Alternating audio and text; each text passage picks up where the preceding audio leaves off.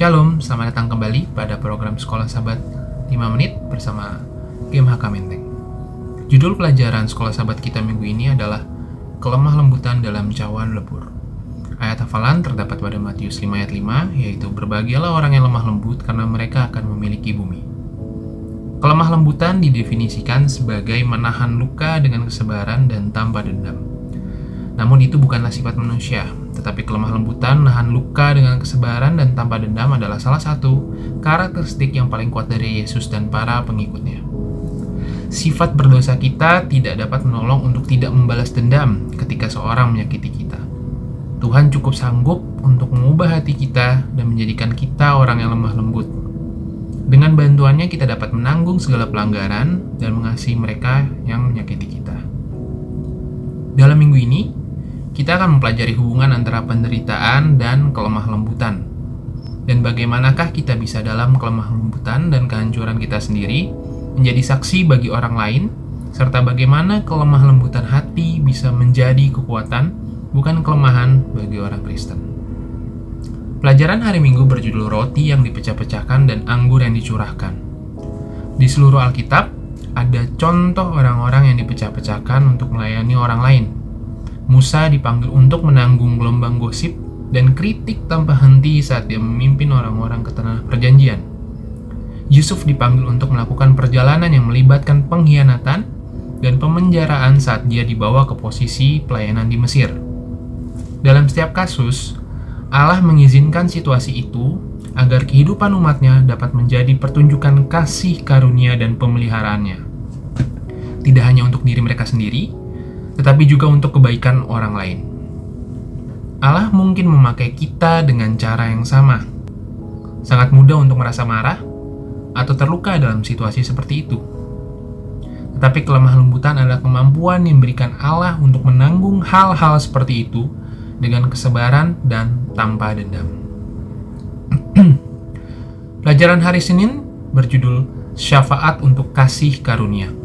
Dalam Keluaran 32 ayat 1 sampai 14, kita dapat mempelajari peran yang dimainkan Musa. Musa dikenal sebagai orang yang paling lemah lembut, meskipun ia harus terus-menerus menghadapi keluhan dan perlawanan. Tuhan menawarkan Musa untuk menghancurkan Israel dan memulai sebuah bangsa baru dengan dia. Namun, Musa mengantarai atas nama umatnya yang mengeluh. Dia juga mengantarai atas nama saudara perempuannya sendiri setelah dihianati olehnya. Ini terdapat di bilangan 12 ayat 13. Dia juga mengantarai ketika kerabatnya mencoba untuk merebut keimamatan.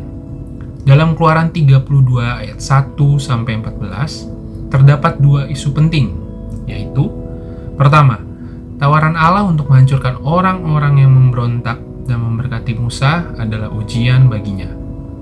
Allah ingin Musa menunjukkan betapa dia sangat berbelah kasihan kepada orang-orang yang sangat tidak taat ini, dan Musa lulus ujian. Seperti Yesus, dia memohon belas kasihan bagi orang berdosa. Kedua, perikop ini menunjukkan bahwa pertentangan dan ketidaktaatan adalah panggilan untuk menyatakan kasih karunia. Kelemah lembutan termasuk menawarkan kasih karunia kepada mereka yang tidak pantas mendapatkannya. Pelajaran hari Selasa berjudul Mengasihi Mereka yang Menyakiti Kita. Seseorang pernah berkata, mengasihi musuh kita bukan berarti kita harus mengasihi tanah tempat mutiara dikubur.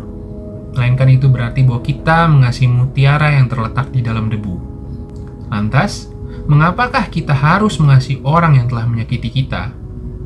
Yesus membagikan satu alasan dasar, agar kita menyerupai Bapa kita, Allah baik terhadap musuh-musuhnya ini terdapat di Matius 5 ayat 45. Dia mengasihi mereka karena dia melihat mereka sebagai calon warga kerajaan surga, mutiara berharga dari harta karunia. Ketika kita melihat musuh kita seperti ini, semuanya berubah. Kita melihat mereka sebagai saudara dan saudari masa depan yang dengannya kita dapat berbagi kehidupan kekal. Dengan cara ini, kita akan selalu mencari kebaikan mereka. Kita disempurnakan saat kasih Tuhan tumbuh di dalam hati kita. Kesempurnaan ini ditunjukkan dengan mengasihi orang lain dan memperlakukan mereka dengan lemah lembut. Yesus mengakhiri perikop ini dengan sebuah ayat, "Karena itu, haruslah kamu sempurna, sama seperti Bapamu yang di sorga adalah sempurna. Matius 5 ayat 48. Maknanya sangat jelas dalam konteksnya. Orang-orang yang ingin menjadi sempurna sama seperti Allah harus menunjukkan kasih kepada musuh-musuh mereka sebagaimana Allah menunjukkan kasih pada musuh-musuhnya.